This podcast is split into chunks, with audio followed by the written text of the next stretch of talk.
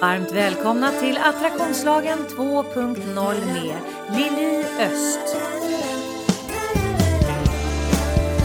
Personlig utveckling på ett helt nytt sätt.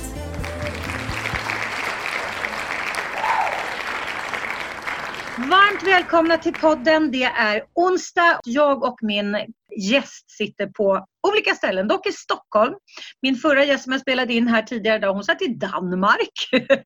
Det öppnar väldigt mycket möjligheter just nu att kommunicera över gränserna utan att sprida någon corona. Och jag säger varmt, varmt välkommen till dig, Therese Naemi.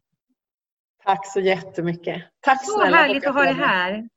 Detsamma. Tack för att jag får vara med. Ja, tack, tack. Du, vi har känt varandra länge, du och jag. Vi har ju, mm. vi, alltså, från början så verkade vi i samma bransch. För vi är mm. sångerskor båda två, jobbar som artister båda två. Men sen så helt plötsligt blev vi i samma bransch igen. För jag bytte ju bransch lite grann och där kom du i, i den branschen också. Så nu är vi ju båda sångerskor och vi är båda föreläsare. Mm.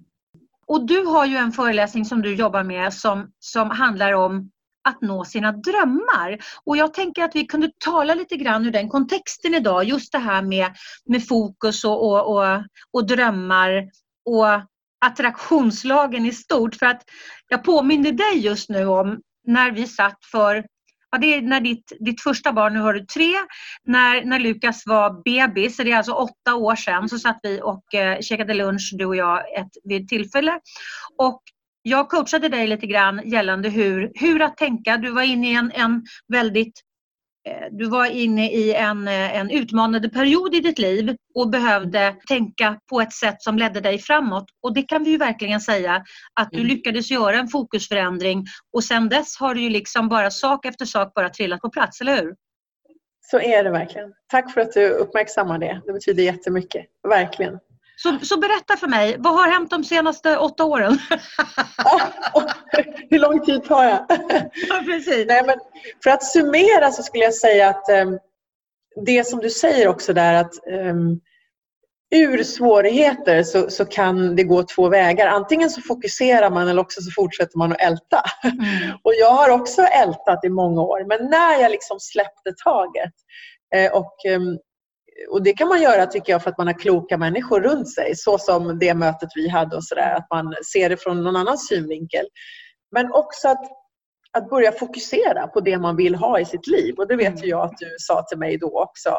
Och det kan jag verkligen skriva på att det funkar att fokusera på det man vill ha i sitt liv. Och då händer det också.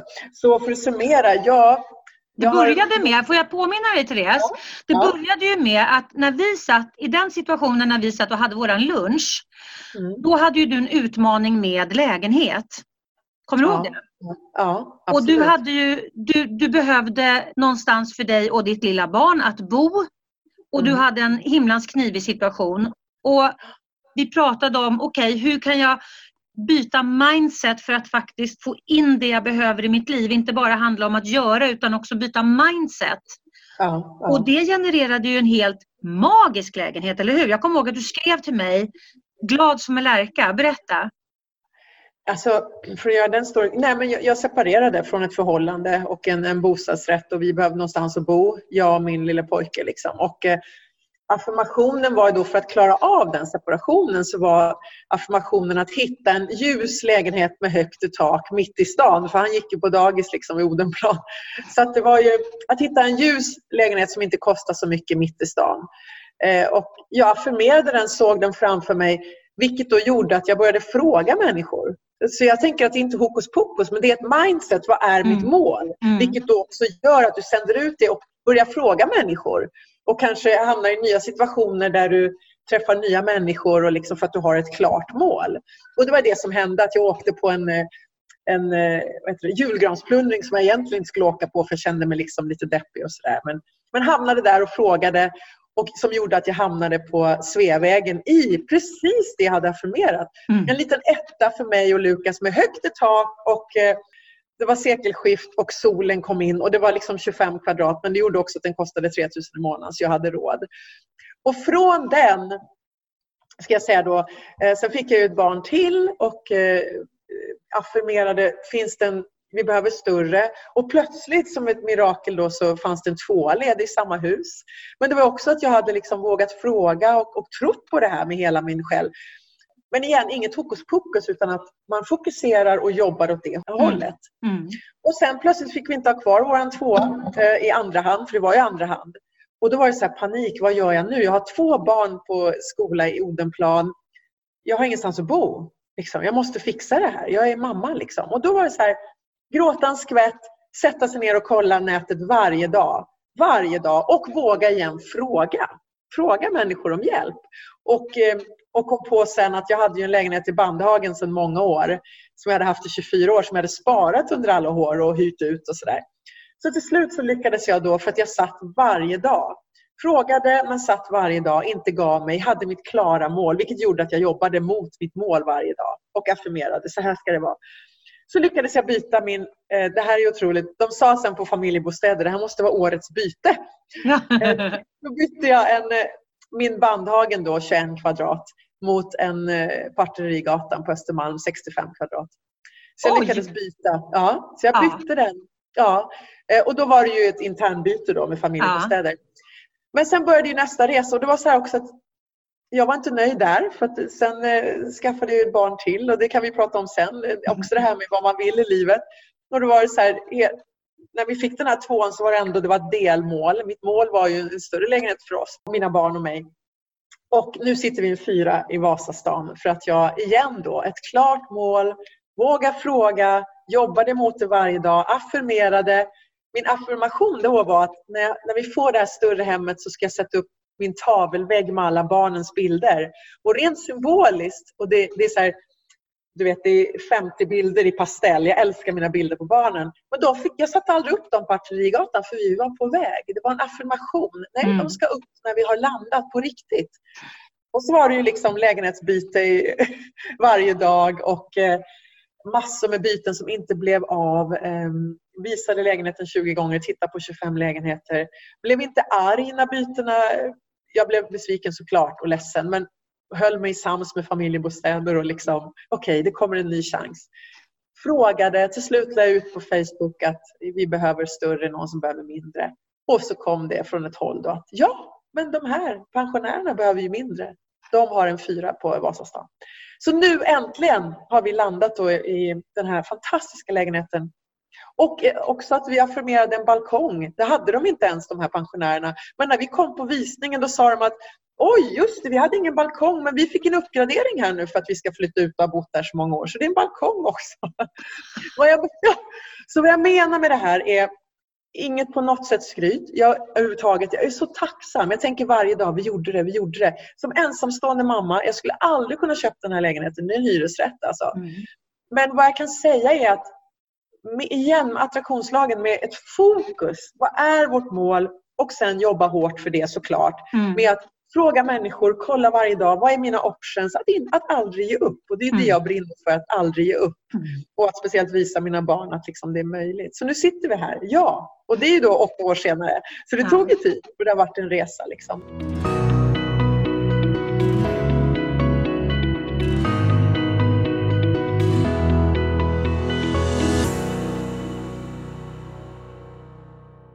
Du har ju hela tiden gått delmål för delmål för delmål. Ja, ja, ja, eh, och, och, det här är så spännande för att attraktionslagen handlar inte om att man bara ska sitta och affirmera och sen så ska saker och ting ramla ner i kolan på en. Det Nej, handlar det inte om det utan det handlar om vem är jag i varje fiber av min kropp. Exakt. Alltså, vad, och, och, och, att mm. ha okuvlig tillit till.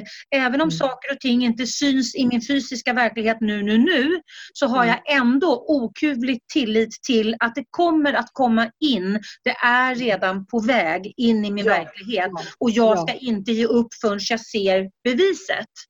Nej, och du har ju nej. verkligen det är ju liksom the story of your life egentligen. För det handlar ju samma sak om, om, om ditt artistskap.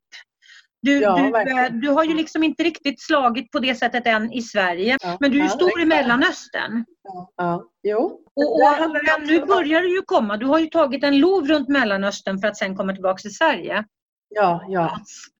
Jag tänker det. Och nu är det så kul att, att det händer mer och mer här hemma också. Mm. Men det är ju också det här med klara mål. Mm. Och då händer de. Det är mm. fantastiskt. Alltså. Det, och, och, och, när du börjar se att, att, att du har den powern själv, att få saker att hända, då triggar ju det också att du, har, du får bevis på det, att det är möjligt. Mm. Och då vågar du ju eh, liksom lägga det på flera saker i ditt liv. Så att det ger ju att det här att våga vara sin egen gud mm. och att få bevis att det funkar. Liksom.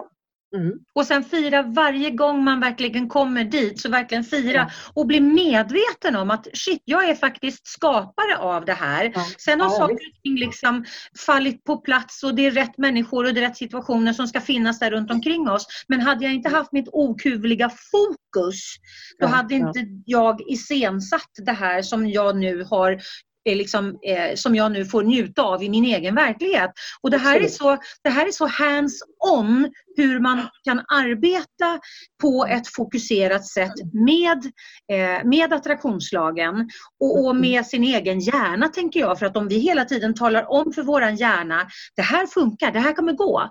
Jag tror på det här. Det är liksom bara, jag köttar på. Jag jobbar målmedvetet. Jag tittar på options. Vad finns det för liksom möjligheter åt det här hållet? Då tar jag ja. hela tiden om för min hjärna och den är bara ja, ja, ja.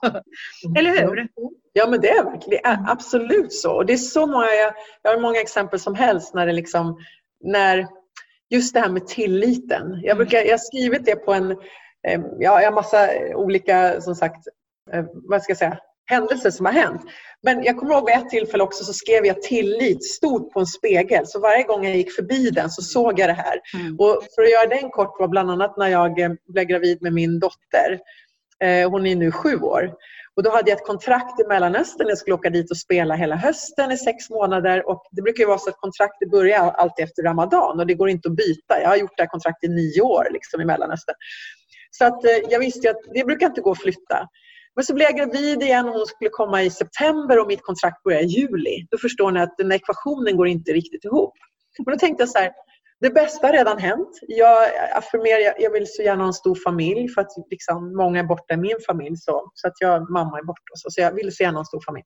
Tänkte så här, ja men det bästa har redan hänt. Jag är gravid med liksom barn nummer två. Det är fantastiskt. Jag vill åka på den här eh, jag vill åka och spela för musiken och ha barn har alltid varit ihop för mig. Att min dröm för 20 år sedan var att sprida min musik över världen och ta med mina barn på resan. Liksom. Det är det jag gör idag. Det är mm. fantastiskt. Men det, liksom, det har alltid varit... Jag, sån här, jag gick någon kurs för många, många år sedan där jag skrev så här, vad gör jag om 10 år, vad gör jag om 20 år. Där står det liksom, och då var jag inte ens sångerska eller låtskrivare och jag var 20 och inga barn. Då står det så här, jag kommer sprida min musik över världen och ta med mina barn på resan. Liksom. Och med det där då i bakhuvudet, det här man affirmerat länge sedan också, så jag har gjort det liksom väldigt länge i mitt liv. Och då kommer jag i alla fall ihåg att jag var gravid med Nicky och jag skulle åka på det här kontraktet. Och så klingar det här. Ja, men jag ska ta med mina barn på resan. Och så sitter det någon på axeln och säger så här, men hur ska det gå? Hon ska komma i september. Du kommer förlora kontraktet här nu i Dubai. För att du måste åka i juli. Det går inte. Sant, men skit i det. Tillit. Så skrev jag det liksom på den här spegeln. Då, tillit. Så varje gång det här börjar så här, så, så, så gick jag förbi den här spegeln, tillit. Okej, det kommer att ordna sig. Det bästa har redan hänt, jag är gravid. Och då satte jag en deadline till hotellet eh, i juni när de skulle ha en månad på sig att hitta någon annan, men inte för lång tid att hitta någon annan. Då ska jag tala om att jag är gravid så får vi se vad de säger. Tillit. Ja, men det går tillit. Det kommer att ordna sig. Så. Och så var jag gravid och magen växte och, och hade den här tilliten. Och på riktigt då, en vecka innan jag hade min deadline i juni så kommer ett eh, mail från hotellet i Dubai, då, det här Five Star Hotel. Så står det så här. Ehm, ja, vi är väldigt ledsna att behöva meddela dig att vi ska göra en restaurering av hela eh, hotellrestaurangen och baren eh, nu i juli så att vi kommer inte kunna öppna förrän 1 oktober. Det är okej okay för dig. Du lyssnar på Attraktionslagen 2.0 Personlig utveckling på ett helt nytt sätt.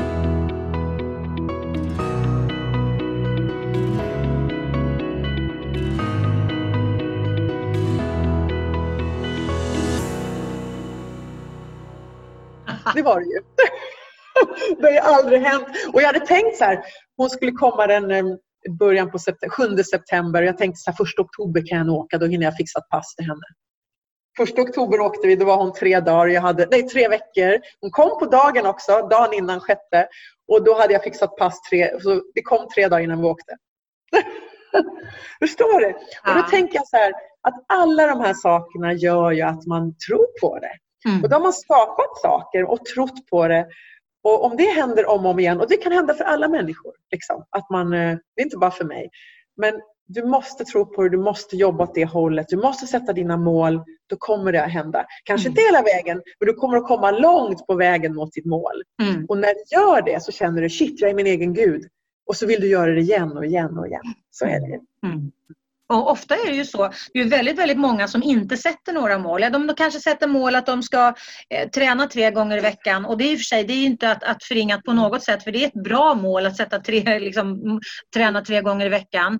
Eh, eller att man ska, ja vad det nu kan vara för någonting. Men det är väldigt få som, som tror på sin livskapacitet att, ja, ja. att faktiskt attrahera in de upplevelser och saker som vi vill ha i livet. Det är ja, otroligt många människor. Alltså jag har ju berättat storyn många gånger, jag har till och med skrivit om det i en bok, om mina master där jag nu bor. Jag älskar ju Nackamasterna.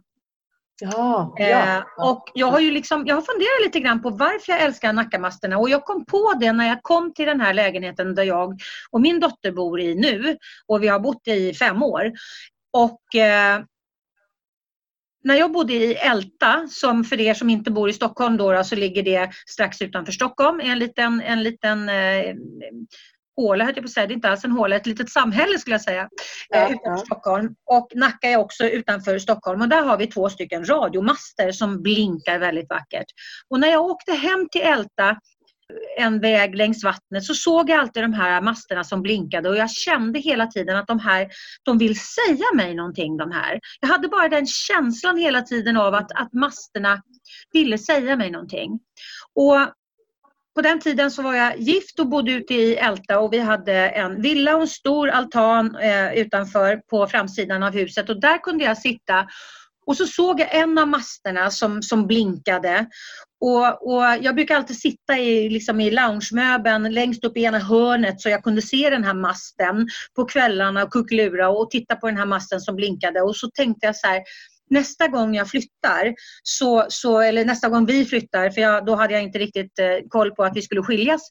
Men eh, nästa gång vi flyttar så vill jag se masterna Eh, och nästa gång jag flyttar så, eller så vi flyttar så vill vi bo högre upp. För, för att jag älskar nämligen utsikt. Jag älskar fri utsikt. Jag tycker om att se långt. Och när man mm. bor i en villa och man inte har liksom utsikt över ett eh, vatten eller en äng eller så, så, eller bo på ett berg så är det ju inte så liksom, ja men vi bodde i ett villaområde liksom. Men när jag då bestämde mig för att jag skulle skilja mig från, från eh, man nummer två var det här. Då var jag ute och kollade lägenheter. Och så kom jag in i den här lägenheten jag bor i nu. Och det första jag ser när jag kommer, för att man står i hallen och så är det en lång hall och sen så är det matsalen och sen så är det köket och sen är det ett fönster ut från köket. Och där är masterna. Ja, fantastiskt såklart. Då visste jag ju liksom, okej okay, det är här jag ska bo. Ja. Och så vid något tillfälle så, för jag har liksom funderat, för då älskade jag, åh det är så härligt, jag bor vid mina master och de blinkar, jag tycker det är så härligt. Men någonstans när jag kom till den här lägenheten så, så blev det liksom inte, ja men de hade inte så mycket fokus i mitt liv längre. Tills jag en mm. kväll när jag stod och tittade på de här masterna förstod att ja men de har gjort, de har gjort sin uppgift nu. Mm. De ville att jag skulle flytta därifrån, eller de vill inte men det var en signal till att du ska du, det är här du ska landa. Det är här du ska liksom landa och ta ut en ny riktning. Det här huset jag bor i är byggt 62 och jag är född 62 så det kändes ja. väldigt symboliskt. Ja, ja. Det var någonstans att när de redan hade kallat till sig mig och jag hade hamnat här så var liksom the mission was completed. Nu är jag mm. här, jag har byggt upp ett helt nytt liv, liksom, men det är inte här jag ska vara. Men jag har ju precis som du, jag visualiserar att jag ska ner till vattnet. Mm, exakt. Så att jag jobbar ju precis som du har gjort eh, för att liksom få in alla dina saker i ditt liv. Nu jobbar jag på, på, på att komma ner dit istället. Ja, och det är ja. det som är så härligt för att när man har de här drömmarna, oavsett vad det är för någonting, mm. och, och bestämmer sig för att man ska jag menar, det kan ju vara som du till exempel för det, här, det är många som, som, som, tänker jag i alla fall, som känner sig, ja men det där kan inte jag göra. Nej men du hade ju, alltså du, du var ju ensamstående mamma och hade inte råd att köpa en lägenhet. Ja, nej, nej, nej. Gud nej. Det skulle jag fortfarande inte ha. Vad sa du? Nej, det skulle jag fortfarande inte ha råd att köpa den här. Absolut inte. Den jag sitter i nu. Nej. nej. Men du bestämde dig för att det ska inte hindra mig. nej, absolut. Exakt. Exakt. Och det är det här att till exempel som att jag skaffade barn tre vid 48 års ålder. Ja, och det är också så här, för att jag, jag brukar säga det i mina föreläsningar att jag som vuxen så är det så lätt att inte ta sina drömmar på allvar. Mm. För det sitter någon på axeln och säger massa, det, det går inte och du är för gammal och hur ska det gå och du är ensamstående och sådär. Men då gör jag alltid så att jag frågar lilla Tessan. Jag har en bild på mig själv när jag är tre år.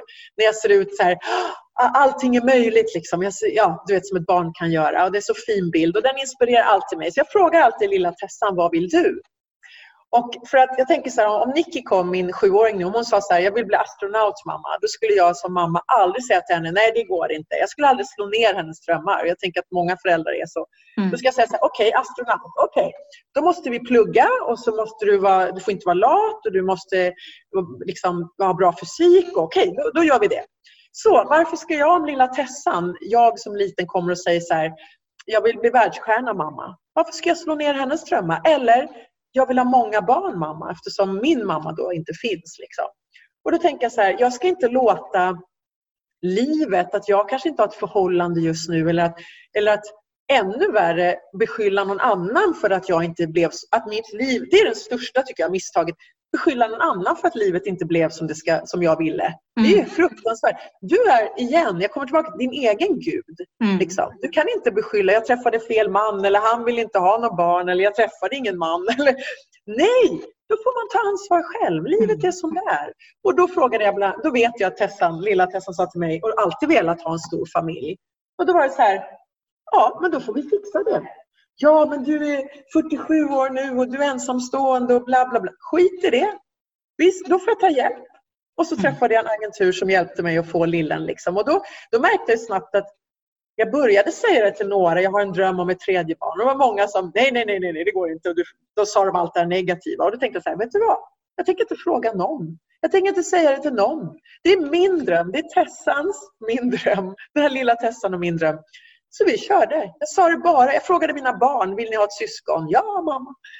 Mitt ex visste om det för att han skulle ta hand om dem när jag liksom åkte och fick hjälp. Eh, Han tyckte inte det var någon bra idé. Skitsamma. Men jag sa det inte till några andra. För jag visste så här, det är min dröm. Och jag är stolt att jag faktiskt idag coachar många kvinnor i just den, för den här agenturen. Att just med den här drömmen att skaffa ett till barn. Och då är det många, de, jag har tre frågor jag alltid får. Vad ska folk tycka? Mm. Vad ska du säga till barnet? Eh, liksom, hur klarar du av det ungefär så? För det första, vad folk ska tycka. Det är helt oviktigt. Det är ingen som kommer att tacka dig om du inte gör din dröm. Så skit i vad folk tycker. Mm. Absolut. Och sen vad ska jag säga till barnet? Ja, barnet hade inte funnits om inte jag hade gjort det här hjältedådet. Så liksom, jag vet inte vad, vad ska... Ja, du vet. Mm. Jag tycker så här, att följa sin dröm, att aldrig backa för det man vill i livet. Och jag menar, finns ju Många tyckte inte det var en bra idé. När jag döpte lilla Lennox, jag fick honom när jag var 48. När jag döpte honom för ett år sedan och kyrkan var full med 100 människor. Då tyckte alla att det var självklart att Lennox finns. Alla älskar Lennox, det är klart. Från början var det bara jag som tyckte det var en bra idé. Så Mm. jag tänker det här igen. Jag vill inspirera och det är bland annat därför jag gör mina föreläsningar. För att jag, från dröm till verklighet heter min eh, föreläsning. Och det är så många gånger i livet där jag har gått min egen väg. Och ibland så har liksom det stuckit i ögonen på folk. Jag drog till Los Angeles när jag var 29. Jag lämnade en fyra år, eh, tioårigt förhållande, fyra på Södermalm och massa dansjobb för att jag skulle bli popstjärna. Liksom. Många tyckte ingen bra idé, du är 29 år, du är skitgammal. Det bästa jag har gjort. Det var där jag blev sångerska. Och, liksom. och sen kom karriären i Mellanöstern. Då fick jag lämna igen liksom, och vara borta varje höst i nio år. Så. Men det är det bästa jag har gjort. Det här att, att våga hoppa i livet. Liksom. Mm. Och det ger en styrka. Och enda som är helt sant är att ingen kommer att tacka dig om du inte gör det.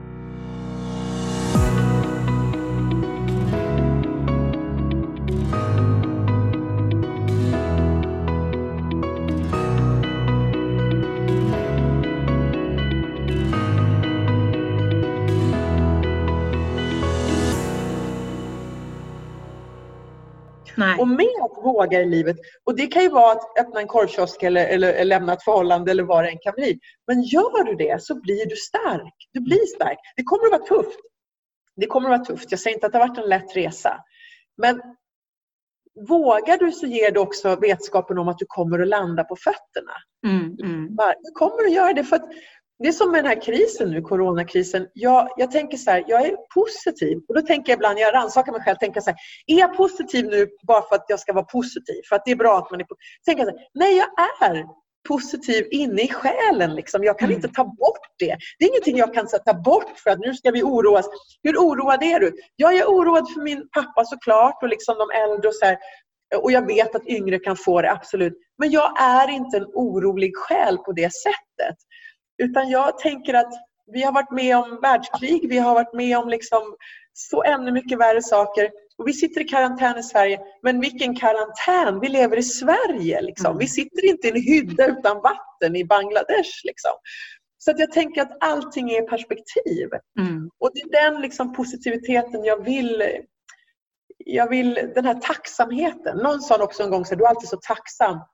Det låter bra på Facebook. Nej, det har ingenting med det Det har med att göra att jag är så tacksam. För att mm. liksom man, man har vågat så många gånger i livet och eh, tacksamheten ligger i att det ordnar sig. Att veta att det faktiskt ordnar sig. Liksom. Om du står upp för dig själv och vågar kämpa.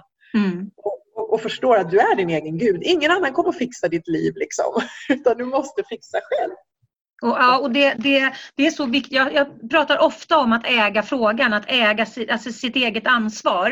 För Det är väldigt, ja. väldigt enkelt att lägga ut sitt liv och liksom allting på remiss. Om bara det hade varit så hade jag. Om bara ja. han hade varit, om bara hon hade gjort, om bara han inte hade, om bara jobbet inte hade. Alltså det, det är så otroligt enkelt att lägga ut sitt liv på remiss. Om ja. bara, om, om, om, om inte det hade varit så här på grund av deras skull så skulle jag slippa jobba, liksom, ligga, ligga i den här högen och, och liksom själva. Men är klart att vi kan råka ut för saker, vi kan falla offer för saker. Men att bli offer för saker är en helt annan sak. Ja. Och när man äger frågan, när man verkligen, precis som du säger, det är ett bra uttryck att vara sin egen gud. För ja. att det någonstans blir en, en, en kraft i. Det är bara jag som kan Alltså det är bara jag som kan bestämma mig för vad jag vill attrahera in i mitt liv och vad jag är mm. beredd att betala för att attrahera in det här i mitt liv. För att, för att fokus, om du vill någonting, jag kan tala om för dig, när jag bytte bana från artist till föreläsare med ett ämne som på den tiden var jävligt pling-plong. Alltså det var ju... Sen har ju jag liksom arbetat, jag har ju hållit på och, och, och forska inom attraktionslagen de senaste 30, ja 37 åren typ så. Någonting sånt där, 37-38 år. Lika länge som jag har jobbat som artist och det är 37 år i år. Jag tror till och med att det var tidigare, så säg 38 då, började läsa. Men jag har ju utvecklat det under så många år. Under de senaste 11 åren, eller förlåt mig, sedan 2006, de senaste 14 åren, så har ju jag djupdykt verkligen i attraktionslagen. Eh, mm. för att jag skulle kunna kommunicera den bilden jag såg framför mig. För att jag såg väldigt klart och tydligt eh, rätt tidigt att det finns ett större, en större bild att tolka. Så jag har mm. jobbat enträget och väldigt fokuserat och väldigt motiverat de senaste 16 åren, sen, eller 14 åren sedan 2006 när jag, liksom, när jag fick en epiphany att det jag hade pluggat sedan 80-talet eller det jag hade liksom fördjupat mig i sedan 80-talet, jag hade inte riktigt förstått essensen av det. Mm. Så de senaste 14 åren har jag verkligen djupdykt för att förstå essensen av både attraktionslagen, hur den funkar, men vi som människor, hur vi funkar. Mm. Och jag kan säga att det har inte varit en enkel resa på något sätt. För jag har varit så långt före alla andra hela tiden. Men mm. nu när en större eh, crowd, en större del av människor, liksom, människor faktiskt har fått upp ögonen för det, då är jag redan extremt etablerad och väldigt djuplodad i min kunskap. Mm. Men det har inte varit en enkel resa och jag hade många år när jag försökte kommunicera vad jag egentligen gjorde och folk stod som frågetecken. Men jag gav mig inte och det, du, du anar inte så många människor under den här resan som har sagt, nej men Lili, fan kamma dig. Nej men gå tillbaks och jobba som artist. Alltså det här kan du inte hålla på med. Vad för en jävla plingplong liksom. Ja. Och jag visste, jag hade en bild framför mig. Jag jag har någonting viktigt att kommunicera för det kommer att hjälpa människor att lyfta sitt liv. Så jag ger mig fan inte förrän jag har hittat mitt sätt att kommunicera det på ett sånt enkelt sätt så att jag slår an en sträng i människor. Precis som du vill göra. Att liksom visa att det finns möjligheter men vi behöver ta bort liksom gröten från glasögonen för att se de här möjligheterna. Behöver du hjälp med att sortera i ditt liv? Kontakta mig på www.liliost.se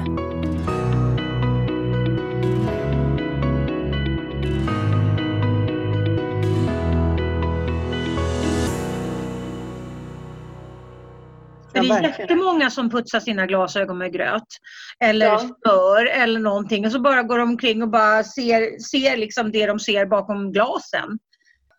Jag att... tänker att alltid liksom vända.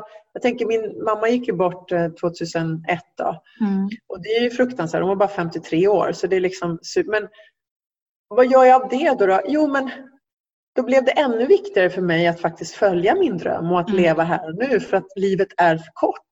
Mm. Och Det hon lärde mig har jag med mig varje dag. Att, att vända saker som händer, som du, du kan inte påverka dem.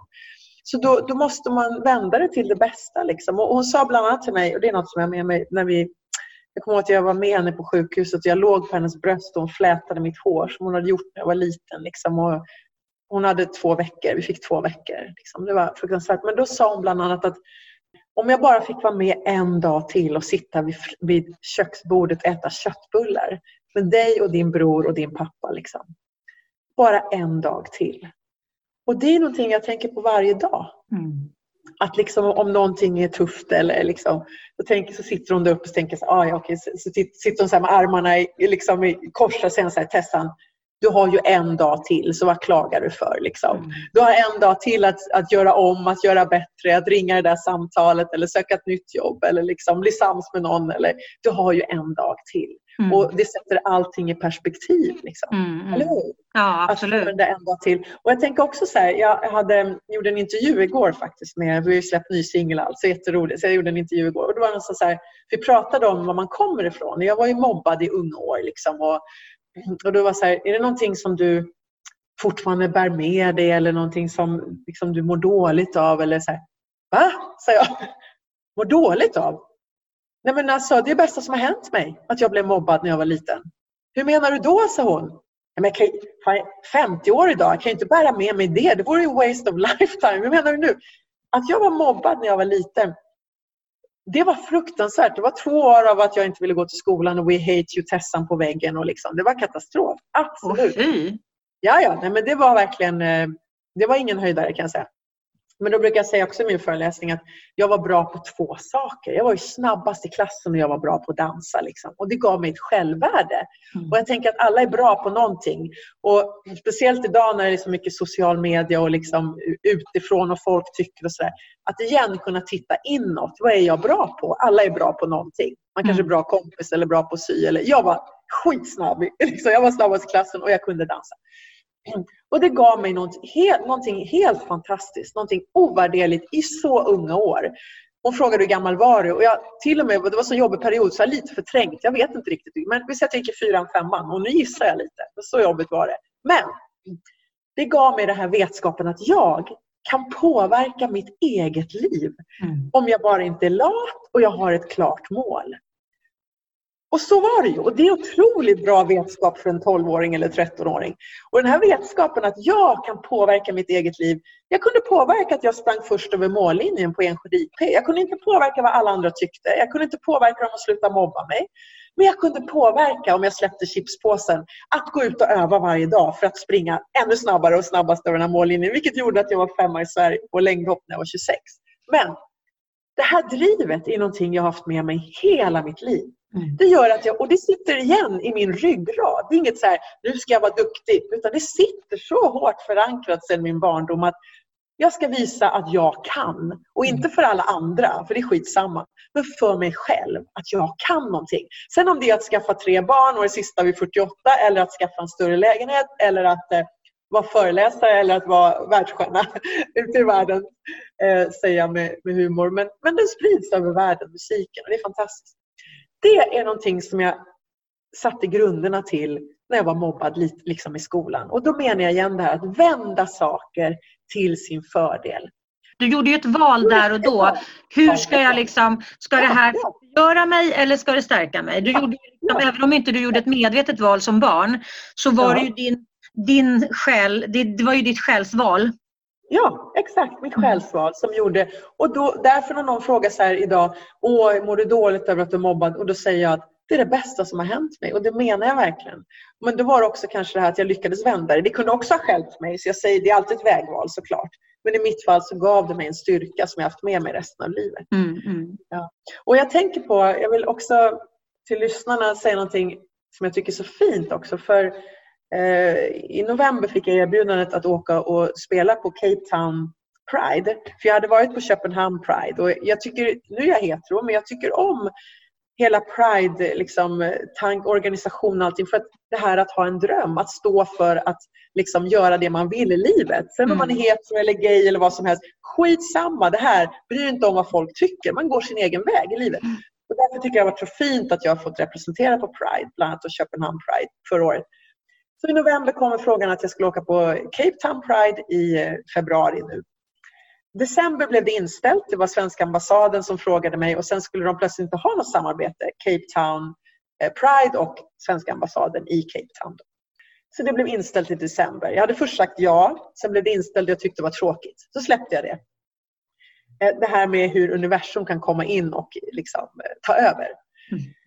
Ja, och jag skulle åka den 29 februari och då ska ni komma ihåg det här som jag sa förut att jag hade skrivit när jag var för, 20, ja, för 30 år sedan. Hur ser ditt liv ut om 10 år? Hur ser det ut om 20 år? Överstod det. Jag sprider min musik över världen och tar med min musik, min familj på resan. Jag ska ha många barn. Kommer du ihåg det? Då var jag mm. kanske 19 år. Ja. Tillbaka till Cape Town. Så hör ambassaden av sig igen tio dagar innan datumet när jag då skulle, skulle ha kommit. Och så säger de så här.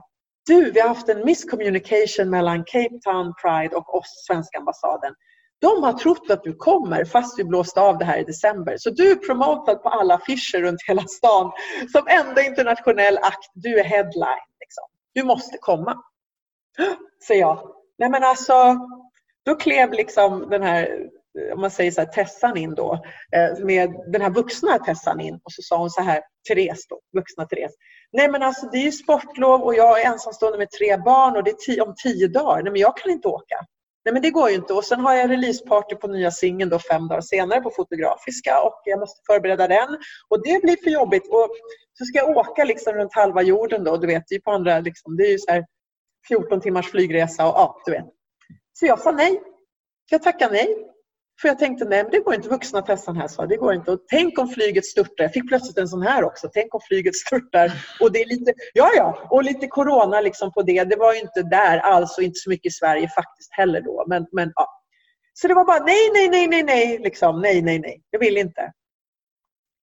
Då, och så säger jag, det sista jag säger är att nej, men jag kan inte åka ifrån barnen. För jag tänkte vem ska ta hand om dem och det är sportlov. Liksom så Men då tog universum över.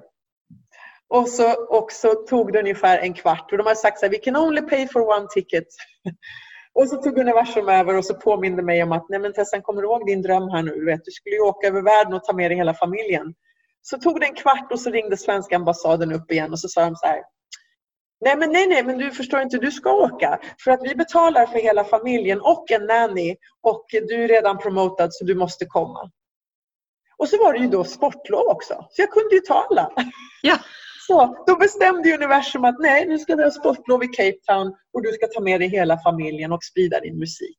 Och där stod jag nå, liksom, tio dagar senare. Jag tog med mig familjen och åkte. Och där stod jag inför 20 000 skrikande och kunde säga I had a dream to do my dream and spread my music and I'm a single mom and I have three children and they are here and Nicky's here and she has a dream to be on stage in front of all these people. Och så tog jag in Nicky på scenen och sjöng låten Heartbeat för henne. Liksom. Och Lucas och, Lucas och Lennox satt i publiken alltså bredvid. Då. Ja. Det var sånt där Cinderella moment och jag tänkte så här, det här var ju faktiskt attraktionslagen eller liksom som jag har affirmerat i alla år Mm. som faktiskt gick in och tog över här när jag höll på att ta ett skitdumt beslut. faktiskt. Ja. Ja, så det blev en, en så fantastisk resa, jag är så tacksam. Och så, dessutom så gjorde vi den innan hela världen bara stängde ner. Mm. Liksom. Det var Mm. typ en vecka senare nästan. Så jag vill säga igen att liksom, igen, jag, jag, man blir, vågar man tro, och det vill jag säga till lyssnarna, vågar man tro på sina mål, hur stora de än må vara, liksom, hur svåra de än må vara. Sätt de målen, ta myrsteg. Det var någon som sa också så här, hur, när så mycket händer, hur lyckas du liksom hålla ordning på allt och är ensamstående trebarnsmamma? Jo, jag fokuserar på en sak i taget fast allting pågår samtidigt. Mm. Jättekonstigt. Men så här, vad brinner mest? Hur ska jag använda min tid effektivt? Liksom? I tur och ordning. Och eh, du kommer att attrahera människor runt dig som är med på din resa, pushar dig mot mål på vägen. Mm. Och jag, jag är ett levande exempel på att det är möjligt. Att vara både pop- popstjärna och ha tre små barn med sig på vägen. Min förhoppning är ju att den här podden ska hjälpa dig att utvecklas och växa. Och har du frågor som du vill komma vidare i och som du vill att jag tar upp i podden, mejla mig på lili.liliost.se. Eller hur? Och framför allt så är du ett levande exempel på att allt är möjligt när vi har tagit det fokuset. Ja, det handlar Ja. om fokuset. Det handlar Ja. om att äh, liksom affirmera och fokusera. Absolut, helt så. Mm. Det, det, annars så hur ska, hur ska attraktionslagen eller universum veta vilket håll du ska åt annars? Och framförallt så är det inte det du sänder ut till människor. Jag säger aldrig att jag har gjort det helt själv heller. Jag har haft fantastiska människor som har hjälpt mig på vägen. Eh, för att man kanske också attraherar till rätt sorts människor. Mm. Också fel människor. Men jag tror att jag blev bättre med tiden på att faktiskt eh, fokusera på de människorna som faktiskt har samma mål lite grann och tar Mm. en åt rätt håll. Liksom. För att det, det är livet är för kort för, tycker jag, negativitet. Mm. liksom. Lite så är det ju. Mm. Och man har bara så mycket energi och då måste man, eh, man måste ha bra energier runt sig. Mestadels, tänker jag i alla fall. Ja, och det är ju ett val vi kan göra faktiskt. Ja, Vi kan ja. selektera eh, med de människorna. Alltså, familjen kan vi inte ta bort men vi kan, för, liksom, vi kan jag kan kan vi väl. Det finns ju många som har sagt nej till sina familjer men, men vi har ju allt att vinna på att förhålla oss till det som är. På, Man får välja vad man tar in. Liksom. Ja, man, får, man får välja vilka man frågar om råd och så får man det enda man liksom, som är säkert, man kan inte göra om människor. Så nej. då får man liksom välja att man får lära sig att den här människan är sån och det, då får den vara sån. Mm. Men det är inte den som jag behöver kanske be om råd om, när jag behöver dem utan den kan vara där och så har man utbyte på ett annat sätt. För man kanske Mm, inte ska mm. lyssna på de råden. Eller hur? Jag kommer ihåg eh, ett sånt exempel på en människa som, inga namn då nämnda, som sa när jag på den här Cape Town-resan sa, när jag sa att jag var lite orolig att flyga och sådär. Då sa personen, ja det är det jag alltid har sagt att du borde skriva testamente. Förstår du? Ja. Och då får man så skratta lite och så får man se det komiska i det. Att det var Mm. precis det sista jag ville höra. Och så Ja, ringde men jag Bussen istället och så talade han om att det kommer gå jättebra. Ja. Ja, det- Ah, det gud. Det är Therese. Ja. alltså tiden flyger ju när man har det trevligt och när man hamnar i fantastiska samtal. Nu har vi dragit iväg här eh, så vi är snart uppe i en timme. Det går väldigt, väldigt fort när man sitter i, i såna här härliga dialoger. Mm. Jag är så otroligt glad och, och tacksam över att du ville gästa min podd. Och jag tänker om man vill ha tag på dig eller framförallt om man vill lyssna på din musik.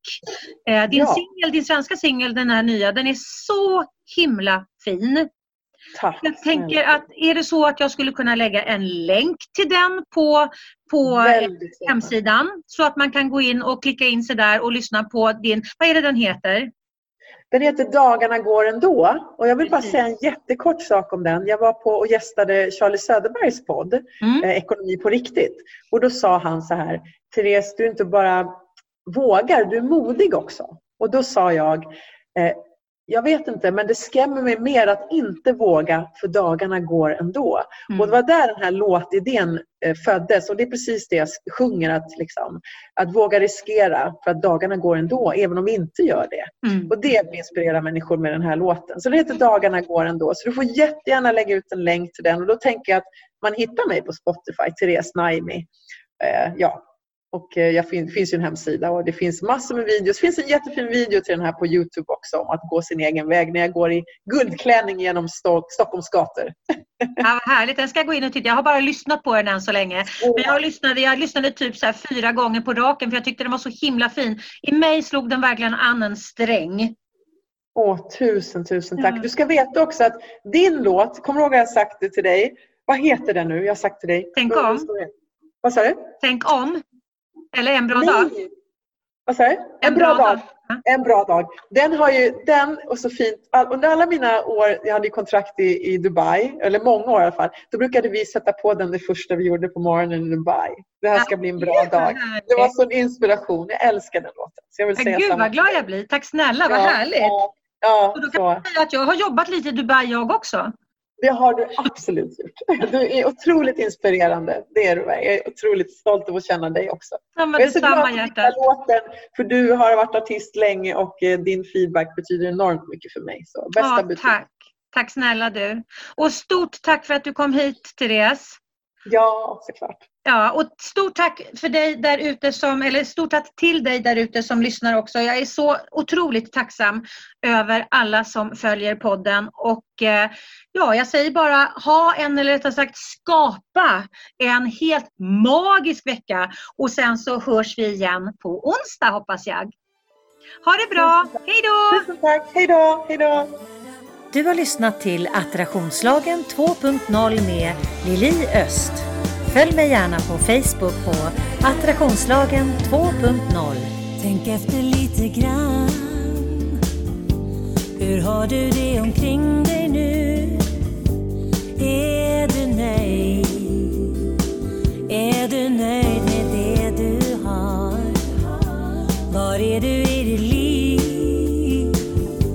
Har du funderat på att ta ett annorlunda kliv? Känner du som